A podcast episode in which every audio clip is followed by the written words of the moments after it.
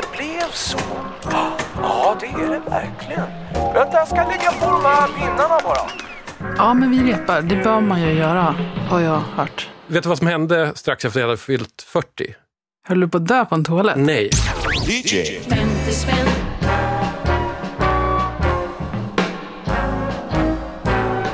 Jag minns när jag insåg att Pascal is the shit, som man säger. Ett otroligt band.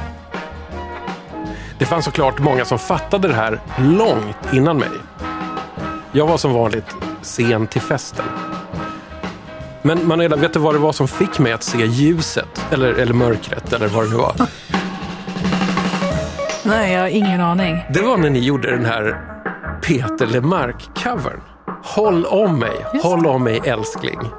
Jag var på gränsen till att behöva andas i en påse för att jag tyckte att det var så jävla, jävla starkt. Alltså starkt som dåligt eller starkt som bra? Det, alltså det var gåshud Ja, samtidigt som jag blev rädd. ja.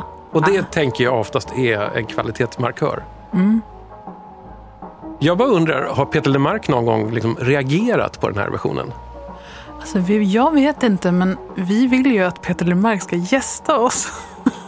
Är det verkligen omöjligt att få det att hända? Vi, alltså, om jag har fattat rätt, han har slutat spela va?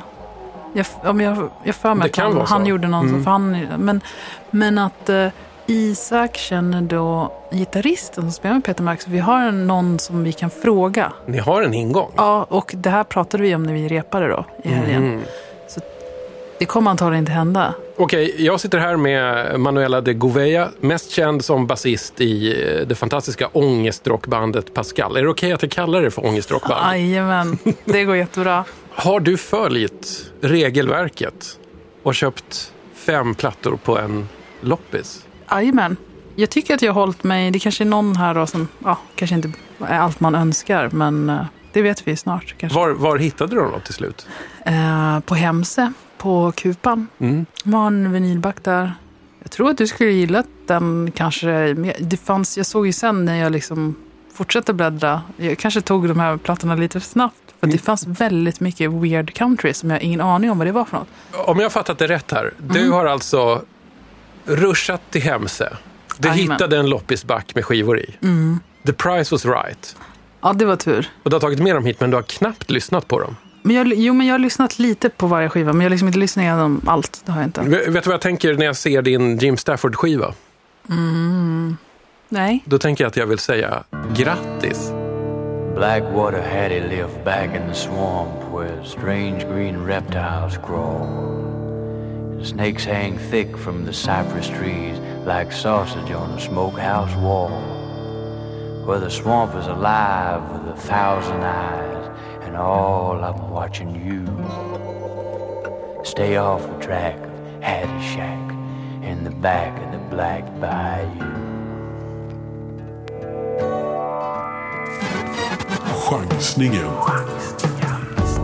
Way up the road from Hattie's shack lies a sleepy little Okeechobee town.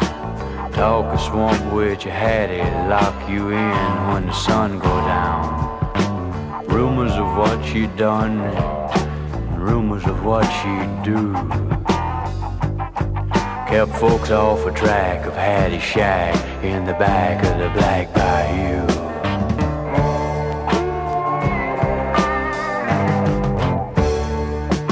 One day brought the rain, the rain stayed on, and the swamp water overflowed. Skeeters and the fever grabbed the town like a fist. Doc Jackson was the first to go. Some said the plague was brought by Hattie. There was talk of a hanging too. But the talk got shackled by the howls and the cackles from the bowels of the Black Bayou.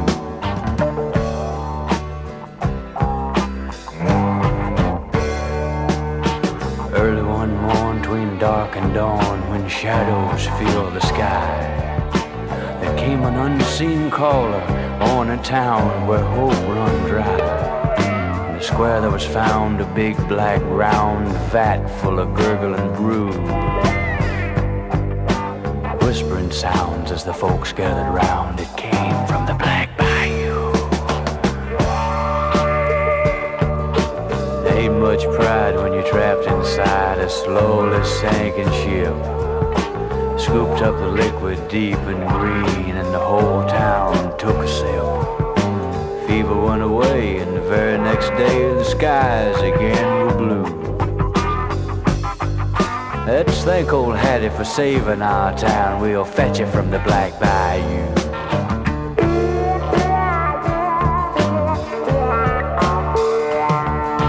Party of ten of the town's best men headed for Hattie's shack. Said Swamp Witch magic was useful and good, and they're gonna bring Hattie back.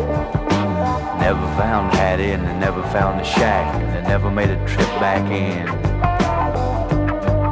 Was a parchment note they found tacked to a stump said, Don't come looking again.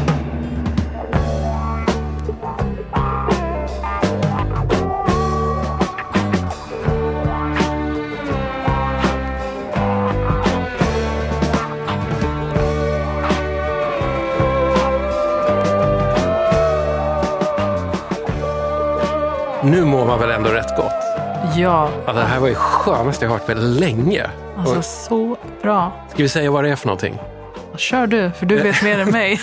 Ganska ny bekantskap för mig också. Jim Stafford har du hittat en skiva. Och skivan heter bara Jim Stafford. Och då undrar ni lite grann kanske så här, varför ville Manuela chansa på den här? Kan du berätta lite om vad det är du ser när du ser omslaget? Alltså man ser ju då Jim Stafford, för det står det på Mm. framsidan, med en ja, typ av cowboyhatt.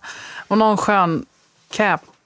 Ja, Och eh, sen är det någon så här liten vägg som håller på att ramla isär. det, det är säkra liksom, markörer på att här kan man få träskrock. Ja, det här ser väldigt bra ut. Sån här musik som vi hörde nu, det är ju anledningen till att jag fortsätter att liksom bläddra mig igenom miljarder loppisbackar. För någonstans där ute dyker det upp såna här, jag vet inte vad det är riktigt, swamp rock, southern rock, pratsångs, country med det här liksom slappa, loja, lite funkiga träskgroovet. Man känner ju att man vill sitta på verandan och öppna något kallt och bara njuta av livet. Den här låten heter Swamp Witch. Vad gör en träskhäxa hela Jag dagarna? vet inte, men, men jag tror att jag vill vara en swamp witch. Ja, vad jag, tänker du att du ska ha för verksamhet då? Det är väl att man sitter med olika benknotor och ehm, så kanske man tar en cigg. Hoppas på att någon ska dyka förbi och fråga om något. Men, tänker att man är lite spå, Ja, lite spåtant så, sådär? ja, så tänker jag. En swamp witch bör kunna brotta ner en alligator. Absolut. Fan, jag vet inte om jag vågar det. Men ja. Kanske så här skin a squirrel, en sån där. Hade du någon som helst förhandskänning om Jim Stafford? Ingen aning. Eh, Jag måste erkänna att jag har aldrig hört talas om honom heller, så att jag var tvungen att vara en duktig pojke här Ah, och läsa på lite. Det mest spektakulära med Jim Stafford, som verkar vara totalt okänd utanför södra USA, men det mest spektakulära är att han var under ett år ungefär gift med Bobby Gentry som gjorde musik som faktiskt ibland lät så här också. Mm. Och de träffades under hennes Las Vegas-period. Alltså så, ja. Oh, Jag tror, han, jag tror att han var så här opening act för Bobby Gentry. Ja. Och, och roligast av allt, som så här, ganska känd i södra USA för någon slags lite så här lantlig publik. så blir det ofta så att den typen av artister, de slutar som teaterägare i en stad som heter Branson, Missouri. Har du talat om den? Eh, ja, varför har jag gjort det? Det är tydligen någon form av så här hillbilly Las Vegas. Eh, och så här slutstationen för många artister i karriären blir att man äger en, en teater där och så kör man någon show om dagen för busslaster som kommer dit. Wow. Så Jim Stafford eh, ägde nu? en sån teater fram till 2020. Nu tror jag han har gått i pension. Okej. The Osmonds hade en sån teater och många andra. Men eh, pandemin kanske gjorde att han var tvungen att lägga ner. Så kan det Ah. såklart ha varit. För att han, jag blir lite sugen på att åka dit nu annars, om han hade varit... det låter, låter jättedeppigt på ett bra sätt. Ja, att jag överhuvudtaget vet någonting om Branson och Missouri och hur det slutar för eh, artister som Jim Stafford och The Osmonds. Det är för att jag har läst en fantastisk bok som skrevs på 90-talet av Joe Queenan, som jag tror var en så snobbig filmkritiker. Men han gjorde en djupdykning i liksom det lite mer lantliga och folkliga och lite punschiga USA. Den boken heter Red Lobster, White Trash and the Blue Lagoon och är en av de bästa kulturella reportageböcker jag har läst. Och han åker till Branson. Alltså det där ser ut att vara en guldbok. Jag, jag kan rekommendera den där boken. Den är, Alltså, han börjar ju med ett von oben-perspektiv. Ja, Men ganska snabbt så blir han beroende och måste öka sin fix hela tiden.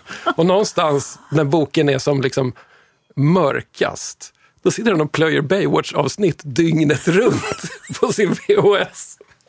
alltså det om något är ångest. Det, det är en bok som faktiskt visar att det är lätt att säga, jag kan sluta när jag vill.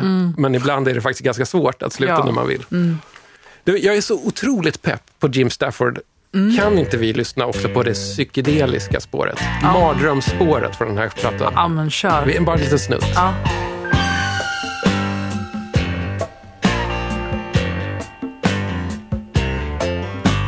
Listen at night and hear the sounds when the swamp moves in and settles down. Shadows move, see the cypress frown. Swamp don't want you hanging round.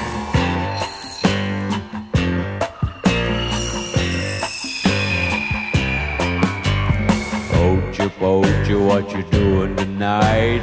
Going out hunting with a gun and a flashlight. Why you shoot a gator when you know he's such a sight? He said, I never met a handbag I didn't like. Get you every time the tourists can't resist. They love it when you lead them round. I wonder what is this? That's just a clinging vine, ma'am. Don't you make a racket. They just wind around your ankle. Here, take a stick and whack it.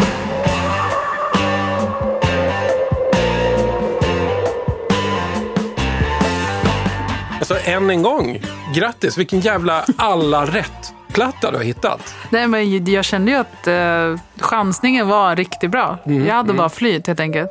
Brukar du ha tur? Jag skulle ljuga och säga att jag inte hade det. För att jag till exempelvis köpte en short scale bas på en loppis i Eskilstuna. Wow, jag vet inte ens vad det är för slags bas, men det låter fränt. Alltså en sån kort. Jag spelar på korta basar, inte sån här lång. Full, en, vanlig bas är en full scale. Men vad då är det här liksom här Med kortare hals. dvärgbas? Liksom? Eh, nej, men egentligen de kanske är lika långa som typ en gitarr. Jag vet inte exakt. Men så, för att eh, vad är vinsten med det? alltså, du behöver inte jobba lika mycket rent så här fysiskt. eh, så här. Men eh, också att de brukar vara mycket lättare. Alltså man får ju skitont i ryggen av en stor bas. Du, den här grejen med Branson, Missouri. Det är ju lite så här, vad ska man säga, pensionsplanen för en viss typ av artister. Ni verkar ju prata med varandra en del i Pascal. Och liksom, har ni någon gång pratat om fortsättningen upp i pensionsåldern? Jajamän, det gör vi jätteofta eftersom vi redan tycker att vi är där. Men vad skulle kunna bli ert Branson, Missouri? Ja, men det är ju någonstans eh, hemma hos någon på någon gård. Eh, och så sitter vi där och spelar. Och ingen vill lyssna på oss, eh, bara vi. Jag och Isak har pratat jättemycket om att vi ska börja spela boogie på riktigt. Typ så här, kanske ett ZZ Top coverband som är jättedåligt. Och så om man har tur kanske man kan spela på någon pizzeria med, på Hemsö eller sådär. Men finns det publik för det tror du? Ja, det, jag tror det är mer publik för det än för att gå och kolla på Pascal. Alltså på riktigt. Det är inte ett skämt. Tänk dig liksom Gotland sommar. Det är ingen som går och kollar på Pascal när vi spelar. Där är inte våran publik. Ja, ut- Jag kan tänka mig mer som boogie rock coverband. Det, det är Skulle inget fel på bättre. boogie. Liksom. Det. Nej, jag älskar ju boogie. Eh, nu sitter vi här och spelar in det här. Eh, det har börjat dra ihop sig till Pascals Fuck Like a Beast Tour. Hur brukar ni förbereda er på turné? Alltså vi hade ju krismöte när vi insåg att vi eventuellt skulle tacka ja till fyra spelningar i rad. För att det är sjukt jobbigt att spela mer än alltså en dag. Det går. Två dagar är liksom, det är fruktansvärt jobbigt. Fyra dagar i rad har vi nog inte gjort sedan ja, för tolv år sedan något sånt. För att vi tycker att det är så jobbigt. För att vi liksom ger allt och sen så ska man göra det dagen igen, dagen efter och sen igen och igen. Så vi, har, vi har haft ett krismöte där vi har bestämt att vi inte får klaga. om, om vi vill klaga så ska vi hålla det inombords så vi inte sprider dålig stämning. Mm, det här är ganska svåra saker. Jag vet. Grejen i det här. Mm, nej, men vi, vi måste ju... Antagligen kommer vi vara bäst eh, på sista spelningen. Vad sägs om att bränna av ditt fynd redan nu? Jajamän. För du har ett sånt va? Ja, eller... Kanske fin på grund av en låt. Ja. Men sen när jag väl eh, liksom läste på riktigt så fanns det mer än en bra låt på skivan. Mm. Du, du har kommit med ett jukebox-soundtrack från en film Ja. med en av mina favoritscientologer. Ja.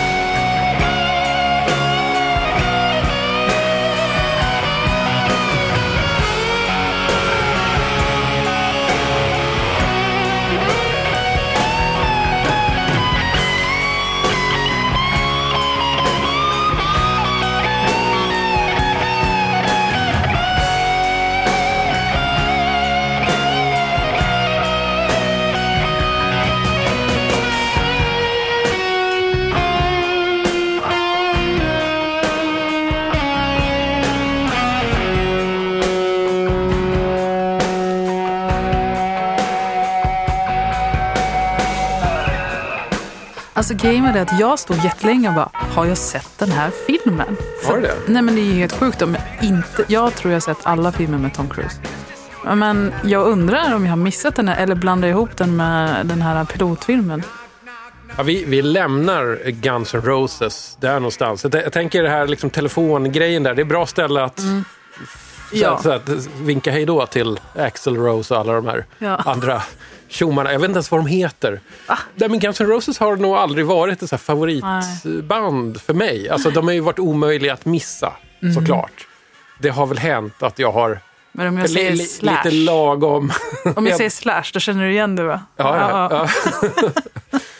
Men alltså, du har kommit hit med ditt fynd som är en soundtrackplatta. Så här riktigt jukebox-soundtrack till filmen Days of Thunder. En Tom Cruise-rulle om racing. Mm, just det. Mm. Eh, och det finns många godbitar på den här plattan, men du vill spela Knocking on Heaven's Door med Guns N' Roses. Men det är för att just den låten är den första skivan som jag... Alltså det var en vinylsingel som jag köpte. Den första som jag köpte av mina egna veckopengar som jag hade sparat. Okej. Mm. Det är stort, du förstår. Jag var tio tror jag. Ja. Ish, nio, tio, något sånt. Och wow. Det var liksom det bästa jag någonsin hört. Och det var ju då mitt absoluta favoritband. Mm. Det var liksom då jag hittade ett band. Hur hittade du till Guns N' Roses? Jag tror faktiskt det var MTV. Ja. Det, var, det var inte svårare än så. inte svårare än så. Men eh, det här är en trevlig cover. Det, kanske, det är inte den bästa Guns N' Roses-låten. Men när jag såg den där skivan så blev jag bara glad att det fanns Mm. en, en enda låt med Guns N' Roses i den där vinylbacken. Ja. Jag fattar inte, vad är status på Guns N' Roses nu? De, de finns fortfarande, Ja. typ? Eller? Alltså jag såg ju dem för några år sedan och då var det ju, alltså förutom ja, trummisen i, ja, de, han bytte ut för länge sedan. Men eh, den man saknar är Izzy Stradlin, eh, eh, kompgitarristen. Mm. Det var också min favoritgitarrist. Aha. Alltså Slash är ju jättebra, men ja. Så det är Izzy man saknar. Men alltså jag fick ju se Duff då Mm. och han var ju, alltså, jag kanske var kär i honom från när jag var tio år. Så att bara få se Duff framför en gjorde ju att livet, liksom, där Ja. där var det var... Jag blev lycklig då. Mm. Men dras du lite åt liksom så här hård, hårdare rock? Jo, men jag skulle kanske säga att jag är hårdrockare. Okej. Det låter lite som att jag skulle erkänna att jag är alkoholist. Men, men, Nej, det, vet du vad? Man, det är inget fel på att vara Nej, men hårdrockare, jag men, det är gillar- bra att ha men- ja, men alltså, Men har du någonting med att göra att eh, Fuck Like a Beast, en väldigt känd W.A.S.P-låt, namecheckas på senaste Mm. ja, Pascal-plattan? ja, men vi gillar faktiskt eh, alla W.A.S.P. i bandet. Mm. Eh, så det var så bra att vi kunde... För vi brukar lyssna när vi eh, sitter i turnébussen. Så lyssnar vi framförallt på skivan Kill Fuck Die. Som är svår att få tag på med W.A.S.P. Mhm. Vi har ju också gjort en Judas Priest-cover. Eh, Ja, ni har gjort Painkiller. Mm. Ni har till och med översatt den till svenska.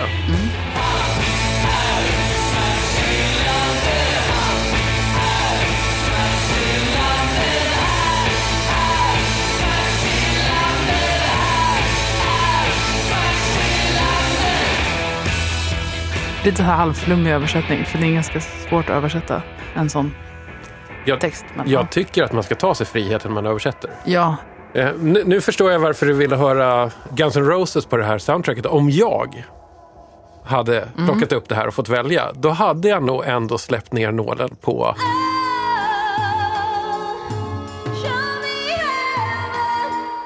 om jag skulle få önska en cover och en översättning där Pascal gör en utländsk låt, tror jag kanske att det skulle kunna vara Show Me Heaven, Maria McKee. Jag kan nästan höra Isak Sundström yla den. Ja, Jag förstår vad du menar. Jag bara planterar ett litet frö här. Kanske en vacker dag Ja. så inser ni att det är låten med stort L. Du planterar ett frö. Mm. Så kan vi se vad som händer. Ja, ja, nu blev det nästan lite obekvämt här. Jag fasar lite för din nästa skiva. Det har blivit dags för Nostalgiköpet.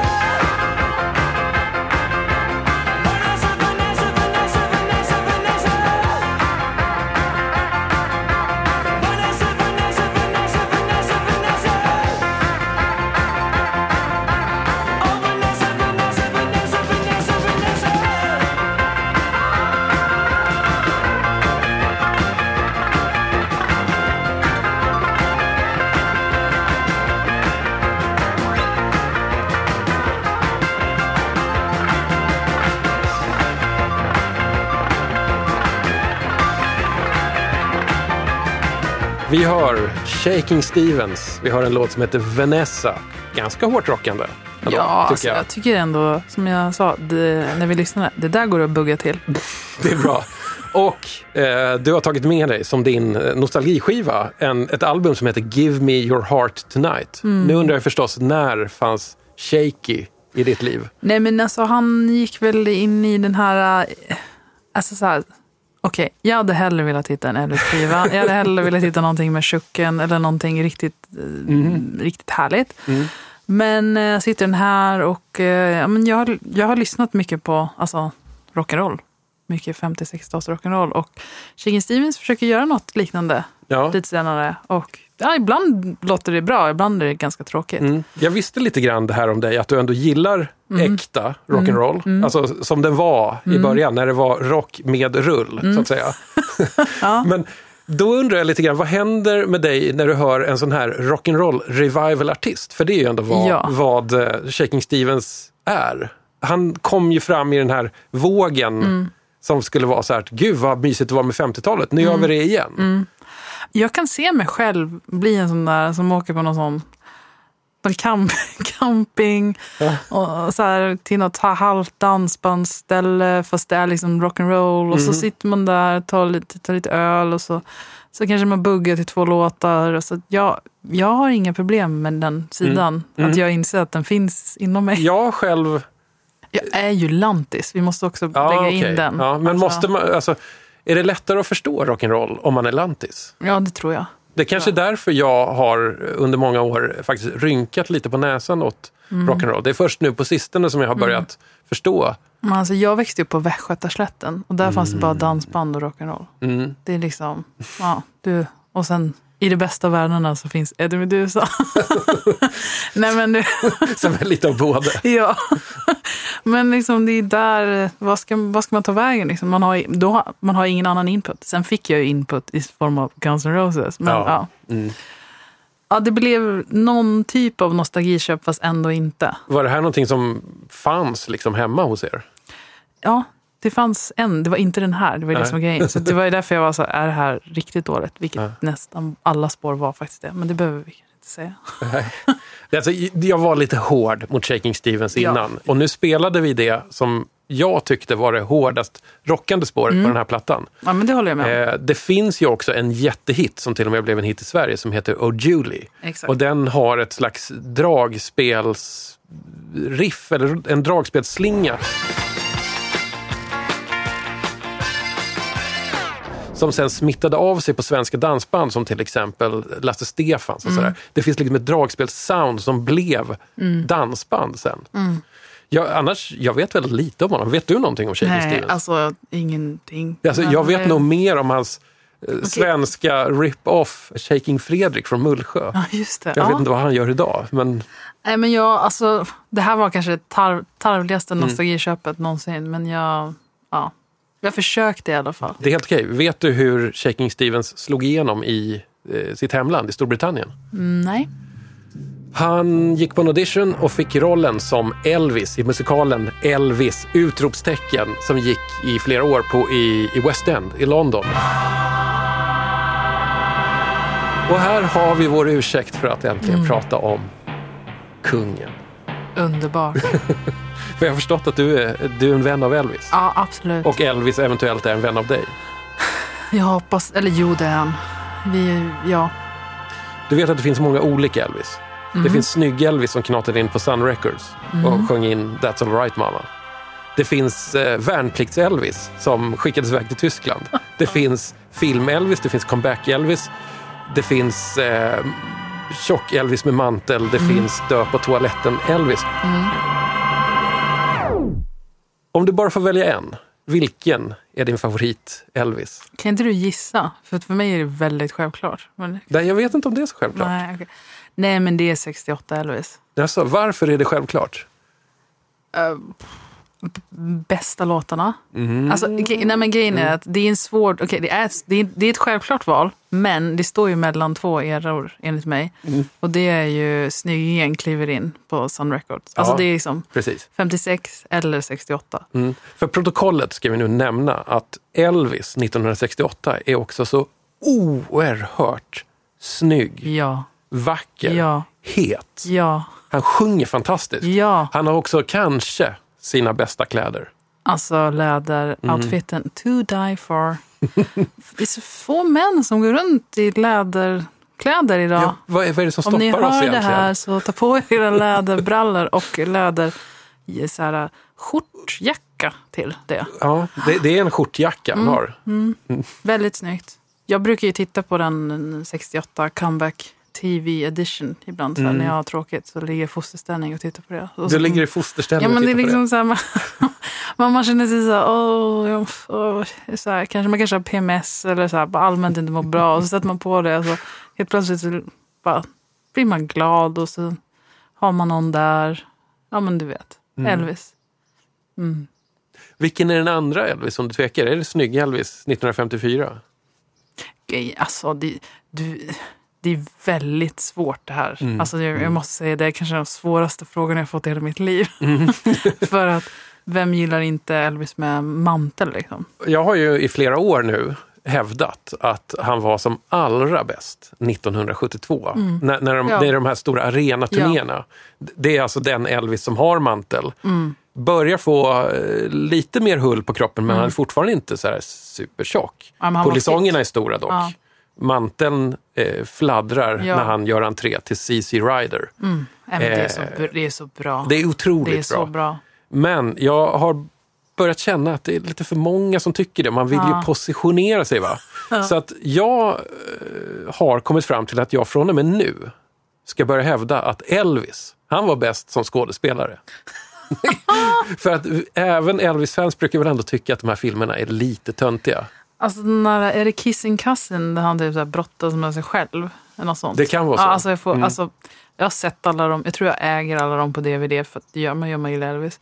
och så ser man dem och så, så, så känner man att man undrar varför man gör det. För att Mm. det är så dåligt. Men helt plötsligt ibland så börjar han sjunga. Så är man så här, mm. Det finns några bra låtar på typ Ja. i varje film. Mm. Så det är liksom... Nej, det är inte min favoritperiod. Men det är ju ändå Elvis. Okej, jag backar. Han kanske inte var allra bäst som skådis. Men jag tror att filmperioden, den var nödvändig för att han skulle kunna göra comebacken. Ja, men, oh, Och ja. comebacken var nödvändig för att Mantel-Elvis skulle komma. Ja, men han behövde ju vara på botten för att kunna nå till toppen igen. Alltså, det, är, inte- det är inte så konstigt egentligen. Bubblare här i favorit-Elvis, om man ska positionera sig, det vill säga att han var allra bäst som värnpliktig i Västtyskland.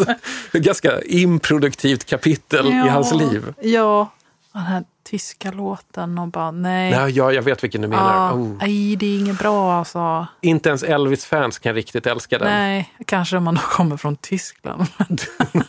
Fast man är så stolt över att han Nej kunde- men vadå, tyskarna, de tyskar som gillade Elvis gillade väl Elvis för han kom med rock. Ja. De vill väl inte ha tysk schlager sjungen av Elvis? Alltså, Det- hoppas inte Det är det. ju ett tankefel Jag vet.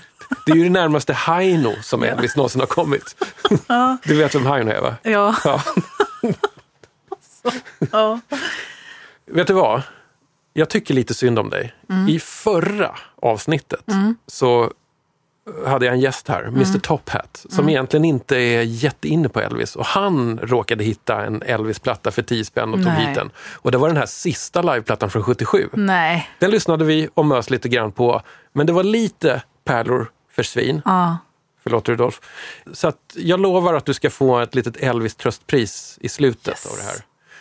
Men nu tänker jag att vi ska gå vidare på din eh, sån här slumpskiva, för du drog en sån va? Mm. Du ser i omslaget här, vad, vad är det du tror att du har fått? Alltså jag vet inte. Nej. Nej. Jag har en gång köpt den här skivan i en loppisback för Ja. att den, omslaget signalerar någonting som säger det här kan vara bra. Ja. Men det är förmodligen easy listening. Ah, jag gillar easy listening. Virgil Kane is my name. I drove on the Danville train till so much cavalry came and tore up the tracks again. In the winter of 65, we were hungry, just barely alive. I took the train to Richmond that fell. It was a time I remember oh so well. The night they drove old Dixie down, and all the bells were ringing the night they drove old Dixie down, and all the people were singing. They went na na na na na. La la la la la la la la la.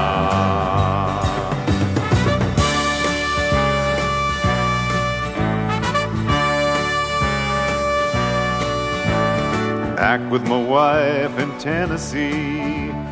One day she says to me, she says, Virgil, come quick and see. There goes a Robert E. Lee. Now I don't mind chopping wood. I don't care if the money's no good. Just take what you need and leave the rest. But they should never have taken the very best. The night they drove old Dixie down, and all the bells were ringing night they drove old Dixie down, and all the people were singing. They went la la la la la la la la la la la la la la la.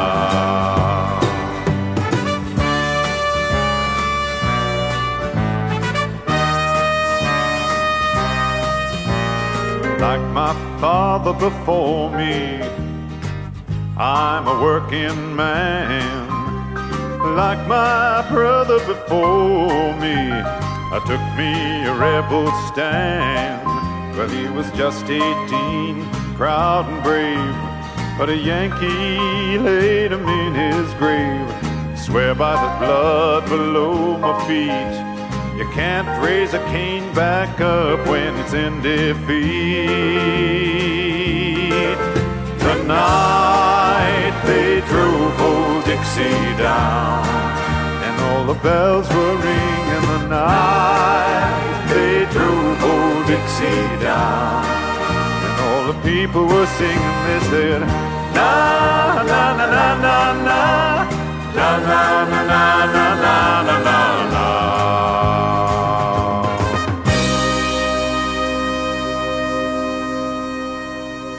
na na. Manuel, vad är det vi hör egentligen? Vad är det du fick som slumpmässigt uppdragen platta? Ed Ames. Skivan heter för enkelhetens skull Ed Ames. Jajamän. Det är en gott och blandat påse med lite olika låtar. Det här är den som jag ändå tycker han gör bäst på Mm. den här skivan.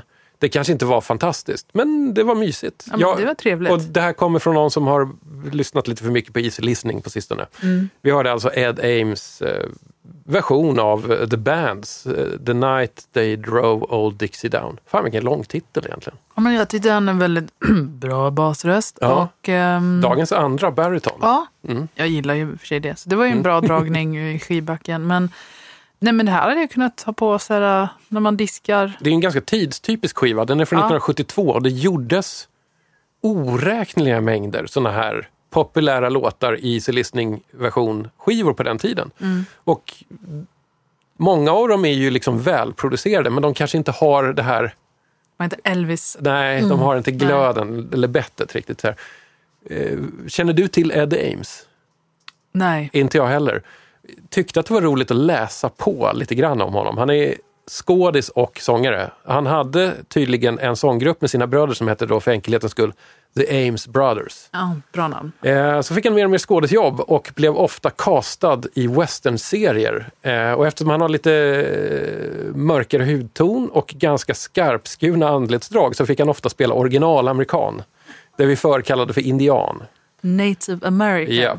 Okej. Eh, och eh, det har lett till att han med åren blev ganska duktig på att kasta tomahawk. och det demonstrerade han en gång när han var med i, eh, vad heter Johnny Carson show. Throw, the trick is to keep your arm extended and put only one revolution on the uh, once around, once around uh, on the way. Och då sätter sig Tomahawken på en, på en träskiva där de har målat konturen av en cowboy. Och den sätter sig rakt i skrevet med handtaget pekande uppåt. Aj. Och det sägs vara den längsta skrattpausen i det, programmet någonsin. Så kul var det. Jag Men- tror att det här finns på YouTube faktiskt. Så Det det här ska jag titta upp. på. Mm, Jag mm. känner också att jag skulle vilja ha det på mitt CV. Att vara bra på att kasta tomahawk. Ja, Att, att det är ändå ganska bra. ja, ja, men det är alltså, Så. det är en, en färdighet som Mm. man kan ha nytta av. Man vet inte när, men Ja, men sen om Coolt du får den frågan, berätta någonting som du är bra på. så då har man ju det på en gång. Jag är bra på att kasta tomahawk. Men du kan ju säga det, för alltså, hur ska någon liksom kunna alltså, faktakolla det? Ja, nej men du har rätt. Jag har inte jättemycket mer att säga om Ed Ames. Ed Ames är vad han är. Jag eh, tycker att det kan vara bra att lyssna på easy listening ibland för att det är mysigt och man kan diska till det. Ja. Eh, får jag fråga en skitjobbig grej om Pascals musik? Mm. Hur kommer det sig att ni aldrig utvecklas? Eh, Eller gör ni det, fast jag inte hör det? Men så här, vi gör det vi gör. Vi har väl liksom inte tänkt så mycket på utveckling. Vi tyckte att vi utvecklades där kanske 2010 när jag spelade gitarr och Isak spelade bas. På den här splitskivan vi gjorde med Mattias Ackberg. Mhm. Just det. Sen så var det så jobbigt att genomföra det live. För sen, för att när vi skulle spela de gamla låtarna, ja, ja, du vet så här. Ja. Så nu gick vi tillbaka till det där. Nej, vi, vi gör ju det vi kan. Vi är Mm. liksom inte sugna på att ta in en till medlem eller liksom. Nej. Jag kommer inte skaffa fler strängar på min bas. Och sånt där. Det, det är ju fint, för Ja. det är fult att ha liksom, för många strängar på basen. Ja, Jag tycker det, men det är en smaksak har jag förstått. Mm, mm. Jag menar inget elakt med den frågan, Nej, jag men det. jag noterar ibland att musiker efter x antal skivor och turnéer, att de känner kanske lite tvång på sig att nu måste vi göra någonting annat. Nu ska vi hitta en ny inriktning eller nu ska vi hitta Mm. ett annat sätt att göra vår musik eller nu har jag någonting helt annat eller nu har jag börjat lyssna på americana så nu blir det liksom countryballader. Och men eh, med Pascal har jag aldrig märkt det för det känns som att ni kanske träffade rätt Mm. från första stund på något sätt. Men det är väl lite så att vi har, vi har våran grej och sen så gör vi den. Och sen tror jag vi, eftersom vi andra liksom har spelat med andra eller har bland andra projekt, då kan få man, får man Mm. ut något annat genom det. Men Mm. när vi ses och så här, när vi tre skapar musik, då låter det på ett visst sätt. Och sen så... Det är det som är ni kanske? Ja, sen vi har ju pratat om typ så här, okej den här låten som alla, låter som alla andra låtar vi har gjort. Men då är det också så här, fast det här, vi tycker fortfarande vi vill göra det här. Alltså Mm. det, är liksom, så att, det är väl den dagen ingen lyssnar på oss längre. Okej. Så. Det är då dubstep-influenserna kommer? Exakt. Det, det, det är då vi skaffar en syntpark och bara wow. Ambient-skivan? Eller snarare kanske mer åt Prodigy-hållet eller något Ah, sånt. okej. Ja. Ja. Ja. Det skulle ni säkert vara bra på. ja, det tror jag faktiskt också. Jag ska, inte, jag ska inte klaga på det här. Alltså, jag tycker faktiskt mer och mer att det är fint att det finns vissa saker som också får vara konstanta. För Mm. vi lever i en tid då eh, all förändring på något sätt ses som bra och nödvändig, för annars går man under. Känner du igen den tankemodellen? Ja, att den oh ja, finns omkring oss hela Mm. tiden. Det kan ibland få mig att känna att jag vill lägga mig i fosterställning och Mm. klämma En Elvis. Jag kan väl inte säga, jag lyssnar på ny musik och gammal musik, men jag, alltså, när det handlar om att vara kreativ och skapa så tycker inte jag att man ska liksom tänka att man, alltså om man bara tänker på att man måste utvecklas, Mm. det är inte den drivkraften jag har i mitt skapande. Så, att det ska vara utvecklande. Nej. Det är snarare med att om man vill ha man någonting som man vill säga. Kanske en mer intressant Mm. fråga. Säg. För det är ju ganska mycket musik som inte har det. Nej, just det. Och då kan man ju välja att utvecklas. Så är det ingen som märker att man inte har någonting att säga. Exakt. Nu har vi löst det. Nu var jag tvungen att räkna efter i huvudet, men rätta mig om jag har fel. Du har bara en skiva kvar i din bunt här. Mm, det är den här uh, loppisklassikern. Från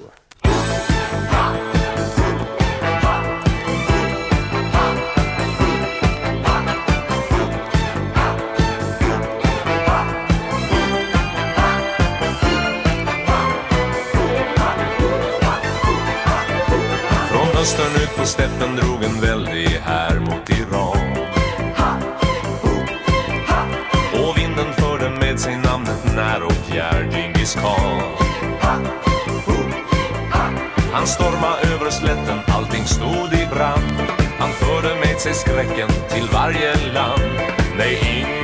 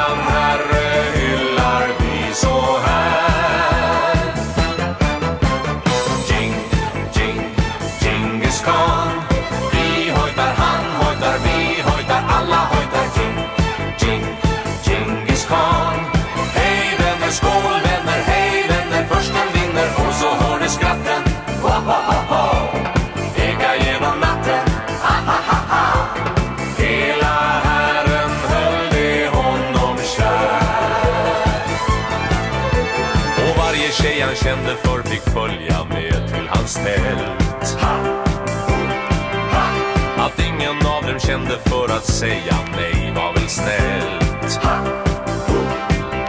Så fick han också ungar i överflöd och därför fick han strida var dag till sin död. För barnaskaran krävde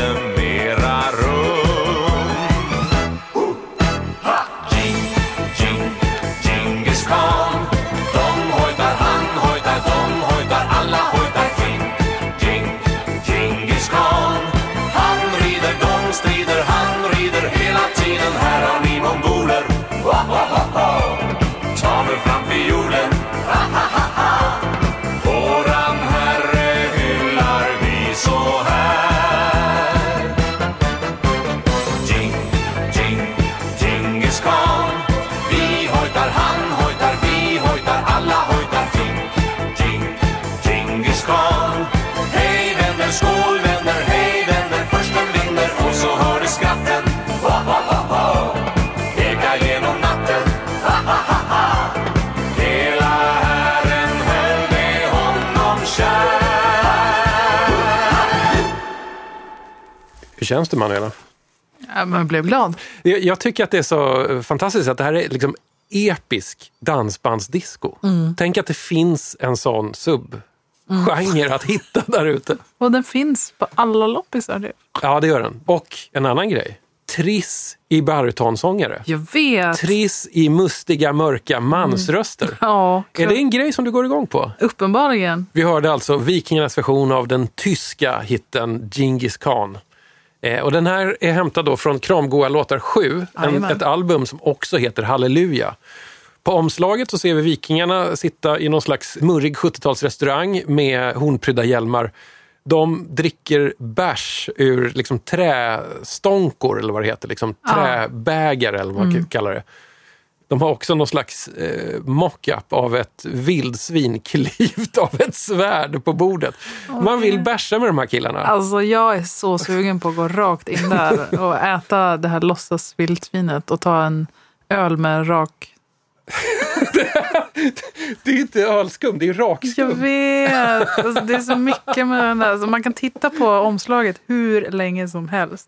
Fan, tänk att jag har sett den här skivan en miljard gånger och aldrig noterat att det är inte ölskum i de här stånkorna, utan det är rakskum. Jajamän. Det här är faktiskt ganska fantastiskt. Du tar med den här som en loppisklassiker. Det är en självklar loppisklassiker. Men jag har gjort den här podden nu sedan 2013.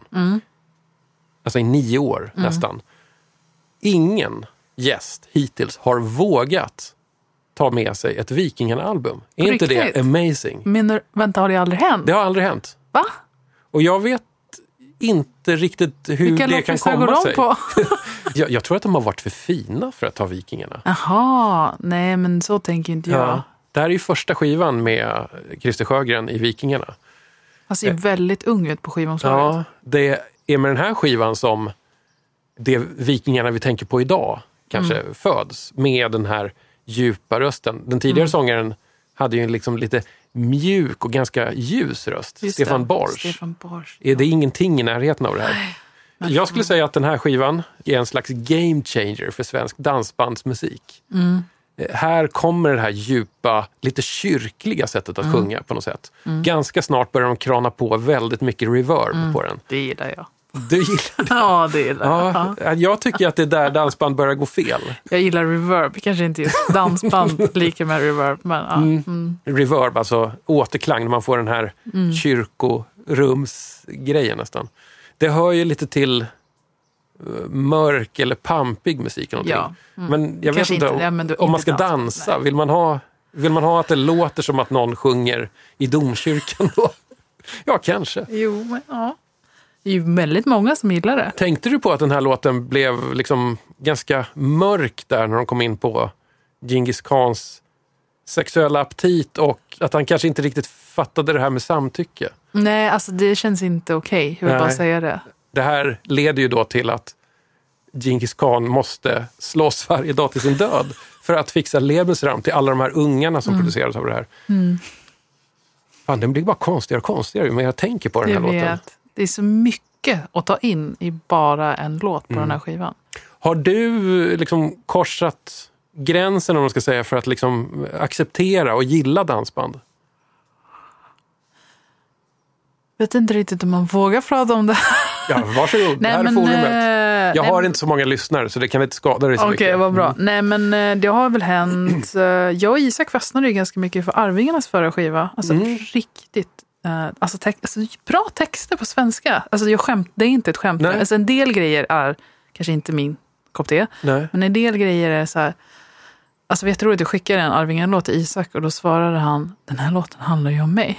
Alltså, vad, vad är det för låt?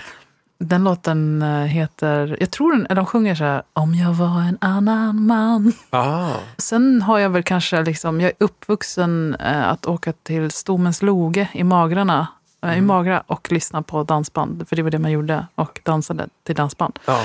Jag liksom äger inga dansbandsskivor. Men i vuxen ålder gick jag och kollade på Black Jack på, på Suder Country som ligger på södra Gotland och dansade och hade så kul. ja. Sen om det var bra, det vet jag inte. Nej. Men hade kul. Alltså musiken finns ju egentligen för att ha kul. Ja. Den måste inte egentligen vara bra på Nej. det här bra sättet. Nej. Utan den ska göra sitt jobb. Jag gillar ju att bugga. Då är dansband ganska bra ibland. Ja, det är väl fullkomligt nödvändigt om man ska bugga. Ja, man kan göra det till lite mer rockmusik Ja, också. klart. Men Mm. ja, jag är framförallt imponerad av alla dansbandsmusiker som orkar spela så ofta. Mm. De klagar inte på Nej. att eh, spela fyra kvällar i rad. Nej, det är det jag menar. För det är det de gör. Ja, Kan inte ni ta in något hårt turnerande dansband? Jag vet inte om Arvingarna är de. Men, men något hårt turnerande dansband Mm. att ha som liksom så här, tränare eller coacher för, för Pascal. jag, vet, jag tror vi hade behövt det. Om ni Alltså, fasar för att spela fyra kvällar på en rad så Ja. kanske ni skulle behöva liksom lite så tips från coachen. Ja, men också den här liksom att det här leva på vägen. Alltså sådana där, det är liksom, Mm. det är mycket som vi behöver träna på. Jag tycker ju att dansbandet faktiskt slutade vara bra med Mm. Vikingarnas Kramgård-låtar 7. Halleluja-plattan. Det började och, eh, och slutade en era på en och samma dag. är det så du känner? Nej, men jag, jag, det jag gillade med dansband innan det är kanske att det fanns ett lite så här muggigt och lite Lattjo sound som mer och mer slipades bort efter det här. Och sen kom ju saxofonplågan. Ja, ja, ja. Den perioden är, är, är svår. Jag, jag har ingenting att tillföra. Nej, jag. Nej, ja. jag kommer snart faktiskt att göra ett dansbandsavsnitt. Ett, ett specialavsnitt med, med en, eh, en snubbe från eh, skivbranschen som har jobbat med dansband och nu sitter och gör en bok om dansbandsomslag. Ja, ja, kul. Och han har samlat ihop stories. Så jag tror Ah, att det här kan okej. bli spännande. Min mamma var sömmerska och hon sydde ju lite dansbandskläder. Ah. Så jag minns när jag gick in i, i syaffären, garnaffären, då hängde det alltid sån här på en spegel så var det så här, ja, men tio olika eh, så här, vykort från olika dansband i trakten Ah, just det. som tackade min mamma för de fina kostymerna. Men det som dansbanden fattade är ju att man ska ha liksom en outfit på sig Ja. när man går upp på scen. Ja, Det glömdes annars bort lite grann under liksom, rock, Ja, progg, pop. Ja. Man tänker att jag duger som jag är. Men dansbanden fattar att jag duger inte alls som jag är. Du Magdalena, vi har kommit i mål. Är du medveten om det? Fem skivor för 50 spänn. Det var kul att det var så mycket som ändå var lyssningsbart. Ja. Alltså det som... Jag brukar avsluta med att tacka mina gäster, eller straffa dem, genom att spela James Last, en så här västtysk easy listening-legend. Jag kommer göra ett undantag för dig. Ja. Eh, jag lägger på den här och sen säger jag så här att ingen dag är komplett utan en liten stund av Elvis. Tack för att du var med i DJ 50 spänn. Tack så mycket, det var jättekul. train ride, 16 coaches long. Train I ride, 16 coaches long. Well, that long black train got my baby and gone. Train, train, coming round, round the bend. Train, train, coming round the. Well, it took my baby, but it never will again. No, not again. Train, train, coming down, down the line. Train, train, coming down the line. It's bringing my baby, cause she's my all, all mine, she's my all, all mine.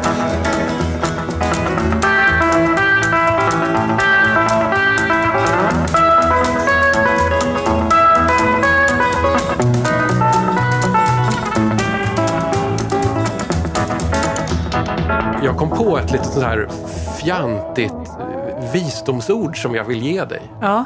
Ibland ger inte livet dig Elvis. Ibland ger livet dig Shaking Stevens. I know. Och, och jag vet inte vad man ska göra med det. Men man får bara acceptera det. Som livet helt enkelt. Som livet. Sen är inte Shaking Stevens absolut sämsta här i världen. Nej, men Elvis är lite bättre. Lite, lite bättre. DJ 50 spänn är en totalt okommersiell podd som görs i samarbete med produktionsbolaget Rundfunk Media här i Stockholm. Jag som sitter bakom spakarna heter Tommy Jönsson och eh, om du vill komma i kontakt med det här konstiga, konstiga programmet så dra ett mejl på hej dj50spann.se I nästa avsnitt blir det sjukt mycket dansband. Vi hörs då. Ja, äh, ah. Ah. Ah. Ah. Ähm.